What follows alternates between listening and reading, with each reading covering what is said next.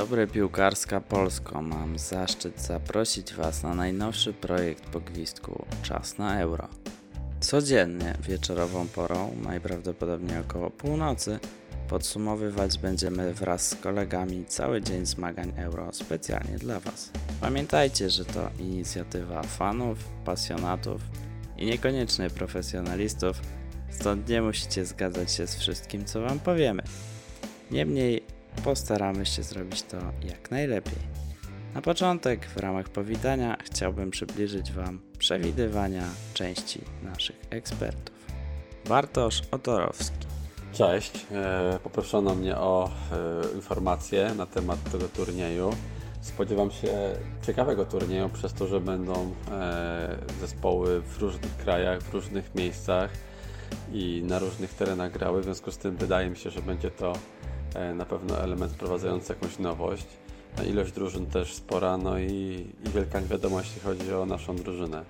Faworytami oczywiście standardowo zostaje E, drużyna Francji, Anglii, Hiszpanii, Niemiec, Włoch to takie klasyki. Wątpię, czy ktoś się dołączy do, tego, do, tej, do tej grupy. Mam nadzieję, że Polska. Czarnym koniem wydaje mi się, że no może nie patrzysz na to w ten sposób, ale liczę bardzo na Hiszpanię, mimo że no jest to zespół, który ma już uznaną klasę. E, chciałbym zaprosić na pewno wszystkich e, naszych słuchaczy do, do codziennego podsumowania. Będzie to na pewno y, fajny turniej obrobiony przez Konrada, który ma bardzo dużo pomysłów. I pozdrawiam Was wszystkich, którzy biorą udział w tym, w tym całym przedsięwzięciu. I trzymamy kciuki za Polskę, no i oczywiście też za Hiszpanię. Trzymajcie się. Hej, hej, adios. Maciej Rzątow. Cześć wszystkim, mam na imię Maciek i będę razem z resztą chłopaków uczestniczył w tym e, podcaście. E, tak się składa, że akurat e, w tym momencie jestem w Rzymie, gdzie właśnie zakończył się mecz otwarcia mistrzostw. Totalny przypadek, bo nie byłem na meczu, natomiast mam obecnie okazję delektować się tą wspaniałą atmosferą, która która powstała tutaj w mieście. Masa ludzi wychodzi na ulicę, okrzyki Forza Italia zdobywają się zewsząd, pełno młodych ludzi. Szczerze mówiąc, można troszeczkę zapomnieć o, poprzednim roku i o istnieniu koronawirusa. Coś, coś pięknego. Italia 3 do 0 i widać, że spotkało się to, to z ogromnym entuzjazmem. E, tutaj nie będę relacjonował wam, wam meczu, bo pewnie go sami widzieliście, natomiast, natomiast pięknie jest obserwować tą radość na żywo. Ja troszeczkę wbrew temu, jakie głosy słychać zewsząd, że nie czują klimatu euro, że przez to, że turniej jest organizowany w różnych państwach, to nie będzie to samo. Ja się z tym, ja się z tym nie zgadzam, a może mam nadzieję, że tak nie będzie. Liczę na wspaniały turniej, na piękne mistrzostwa, biorąc pod uwagę, że jesteśmy tak spragnieni yy, wielkich emocji, piłki na wysokim poziomie, takiego zjednoczenia się. Yy, ja liczę, że to będzie wspaniały turniej, który pozwoli nam się oderwać od tych trudnych czasów yy, i że będzie to turniej pełen emocji, faworyt i czarny koń. Nie myślę, że nie będę oryginalny. Dla mnie zdecydowanym faworytem jest Francja, mistrzowie świata, spektakularnie silna drużyna, mogąca w zasadzie wystawić dwie równie silne jedenastki. Druga drużyna Francji spokojnie miałaby szansę rywalizować o Mistrzostwo Europy. Dla mnie Francja jest faworytem. Nie sądzę, szczerze mówiąc, że ktoś jej zagrozi. Jeżeli ktoś miałby to być, to mogą to być Anglicy, którzy mają młodą drużynę ambitnych e, piłkarzy spragnionych sukcesu, sukcesu międzynarodowego. Czarny koń. Jestem patriotą. Może to naiwne. Mam nadzieję, że czarnym koniem będzie Polska że Robert Lewandowski po e, wspaniałym sezonie klubowym e, stanie na, na, na, na wysokości nie tylko zadań, ale też na wysokości swoich ambicji i poprowadzi e, drużynę narodową do, do, do sukcesu. I wszyscy tego potrzebujemy. Jemu też brakuje tego sukcesu do pełnej puli jego wspaniałych osiągnięć. Mam nadzieję, że będzie to Polska. E, zapraszam słuchaczy podcastu do słuchania naszego codziennego podsumowania w podcaście Po Gwizdku, Czas na Euro. Gorące pozdrowienia z Rzymu. Pozdrawiam, Maciej. Aleksander Łazor. Zbliżający się wielkimi krokami turniej Euro 2020, bo przy takiej nazwie ostatecznie pozostaliśmy, będzie według mnie turniejem dosyć dziwnym, nieprzewidywalnym i zaskakującym.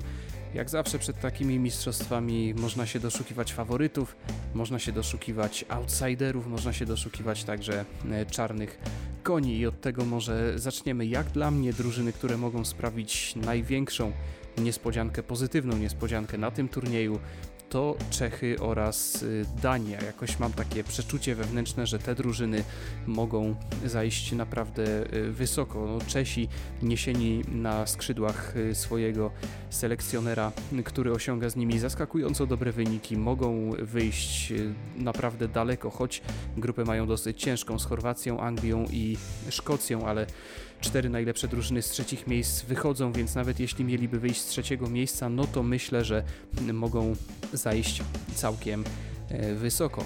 Jeśli chodzi o te niespodzianki negatywne, e, Hiszpania ma problemy covidowe, więc to ich bym obstawiał jako taką największą niespodziankę na minus e, na tym turnieju. E, Sergio Busquets nie zagra na pewno w meczu, w pierwszym meczu drużyny e, hiszpańskiej ze Szwecją. Na Polskę ma już być gotowy, ale drużyna przecież nie trenuje obecnie w drużynie, tylko indywidualnie, więc to też się na pewno przełoży na performance w tych początkowych fazach turnieju.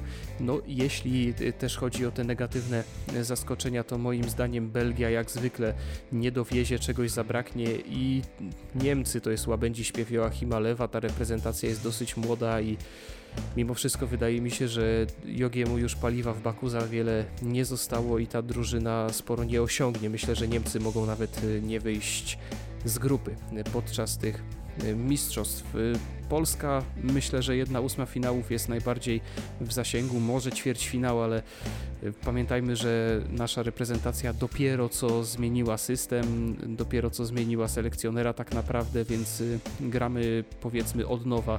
Ten reset nastąpił e, za późno.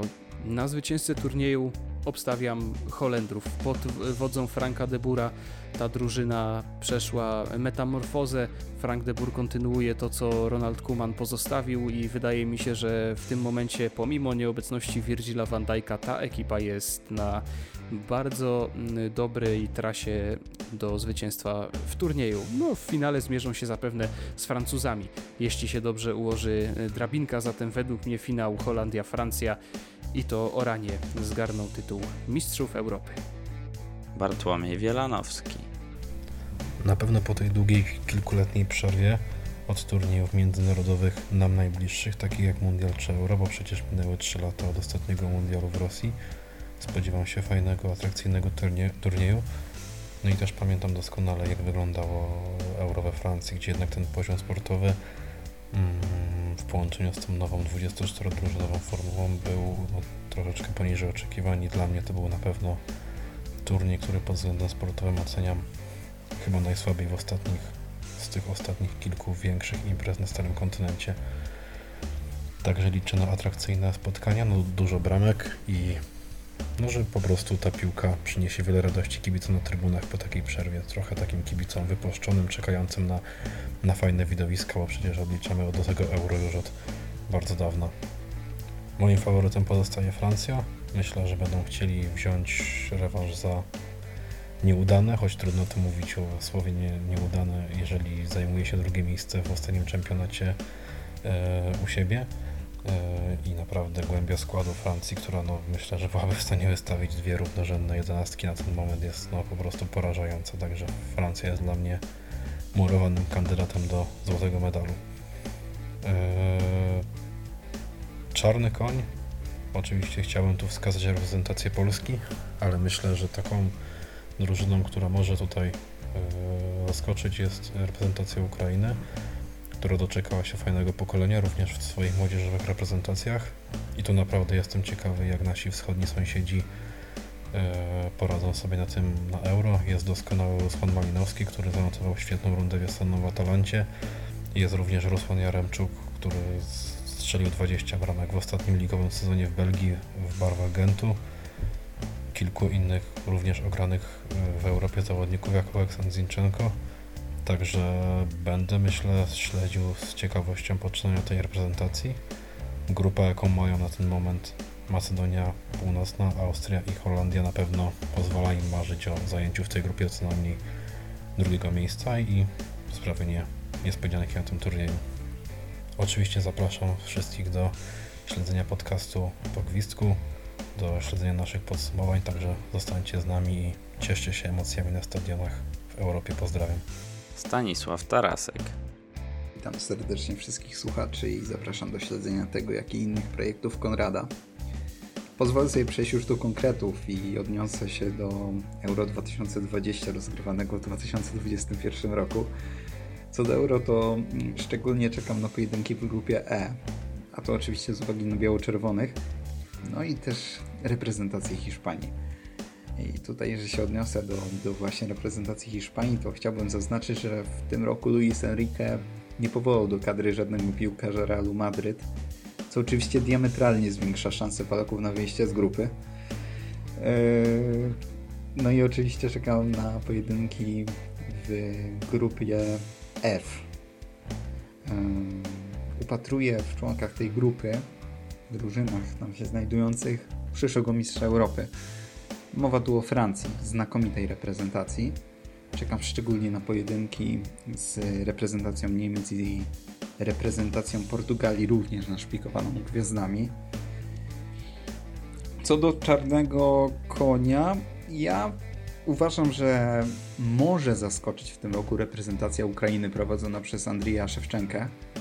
Zwłaszcza, że w eliminacjach no, pokazali, że są bardzo, bardzo silnym zespołem, nie przegrywając żadnego meczu. Eee, myślę, że ten turniej będzie niezwykle ciekawy, będzie dużo zwrotów akcji eee, i chciałbym, żeby, żeby wszyscy słuchacze przeżywali razem z nami te, te jakże niezwykle emocjonujące chwile. I korzystając tu jeszcze z okazji na koniec, chciałbym pozdrowić e, mojego serdecznego przyjaciela Piotra Przywoźnego, który na pewno będzie, będzie słuchał e, tego podcastu. E, Piotr jest ogromnym fanem Manchesteru City i serdeczne pozdrowienia dla niego. Tomek Turejko.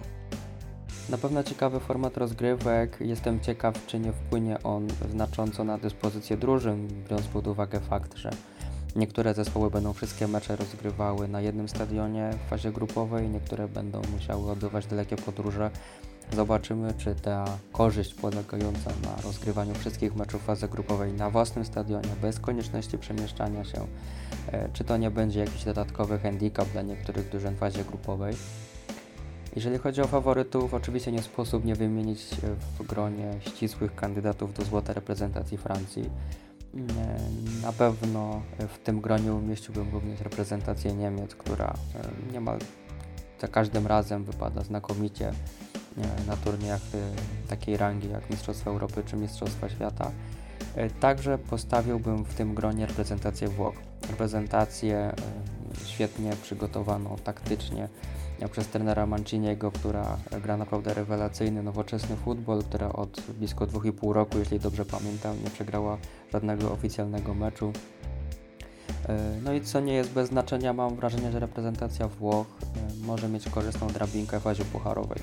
Zdecydowanie bardziej korzystną niż drużyny e, Niemiec, Portugalii, Francji czy Anglii, które już w pierwszej fazie turnieju mogą trafić na trudniejsze zespoły. Jeżeli chodzi o potencjalne niespodzianki, czarne konie, ciężko jest na pewno wskazać jednego takiego kandydata, e, jakim choćby była Chorwacja na ostatnich Mistrzostwach Świata. E, ja w tym roku jestem ciekaw postawy zespołu reprezentacji Szwecji i reprezentacji Ukrainy. Mam wrażenie, że drużyny te mogą jeszcze namieszać nie tylko w fazie grupowej, ale w fazie pucharowej. Szczególnie jestem ciekaw zespołu ukraińskiego, który ma e, stosunkowo łatwą grupę. Myślę, że jak najbardziej w swoim zasięgu, a który już pokazał wcześniej, że potrafi rywalizować nawet z tymi najlepszymi europejskimi drużynami. E, także zapraszam, turniej na pewno będzie ciekawy. E, zachęcam do słuchania naszego codziennego podcastu. Po gwizdku czas na euro. Pozdrawiam serdecznie. Rafał Tomasik. Cześć wszystkim. Poproszono mnie o komentarz dotyczący zbliżającego się euro. Jaki to będzie turniej? To będzie ciekawy turniej. E, zaczynając od samego, samej nazwy Euro 2020 w 2021 roku. Będzie turniej po e, erze, dwuletniej erze COVID-u na świecie.